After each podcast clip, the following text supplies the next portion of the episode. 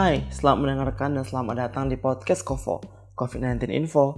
Stay healthy, stay safe, keep your distance, wash your hands, and stay hydrated. Oke, selamat pagi, selamat siang, selamat sore, ataupun selamat malam untuk kalian semua yang mendengarkan di mana pun kalian berada guys. Di episode podcast Kovo kali ini, aku bakal ngebahas seputaran masker. Itu benar-benar benda yang kita butuhkan dan jadi kewajiban untuk selalu kita bawa ke mana-mana, ya kan? Demi mendukung pemutusan rantai penyebaran COVID-19. Korban dari penyebaran virus corona tuh setiap hari uh, makin banyak.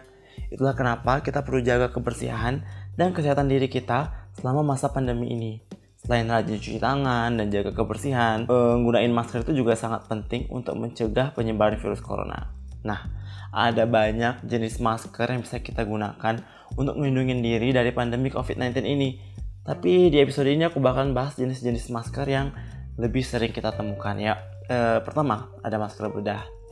Ini tuh masker terumum dan paling mudah kita temuin.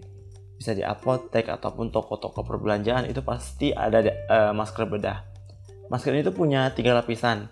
Yang bagian luar itu yang berwarna sebagai anti air, lapisan tengah sebagai filter, dan lapisan dalam yang berwarna putih untuk menyerap cairan yang keluar dari mulut ataupun hidung kita.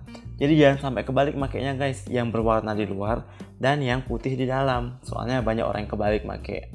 I don't know why, mungkin biar lebih gaul kali ya. Yang kedua, masker motor. Nah, ini tuh seperti namanya ya, itu masker yang banyak digunakan orang-orang saat berkendaraan motor.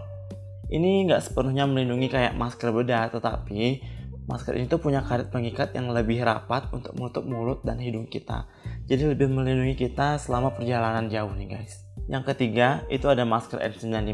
Masker ini sempat jadi masker yang populer nih kemarin dan diprediksi bisa mencegah virus dengan lebih optimal karena masker itu bisa menyaring partikel apa pun sampai 95%. Karena biasanya masker itu digunakan oleh orang-orang yang bekerja di sekitar zat-zat yang berbahaya atau sejenis kebakaran hutan lah. Jadi benar-benar bisa ngelindungin dari partikel secara 95%. Tapi pakai masker ini mungkin bakalan berasa nggak nyaman karena bahannya yang cukup kaku. Yang terakhir, ada masker scuba. Nah ini tuh pasti kamu sering lihat. Ini tuh masker yang gampang ditemuin karena banyak banget dijual di pinggir-pinggiran jalan. Masker itu menggunakan bahan kain yang sintetis dan disebut scuba karena banyak digunakan oleh penyelam scuba. Terkait efektivitasnya, masker ini tuh tentunya dapat membantu melindungi diri dari virus corona, tapi nggak 100%. Masker bedah itu tetap yang lebih baik digunakan karena punya lapisan filter untuk menyaring virus dan juga partikel-partikel lain.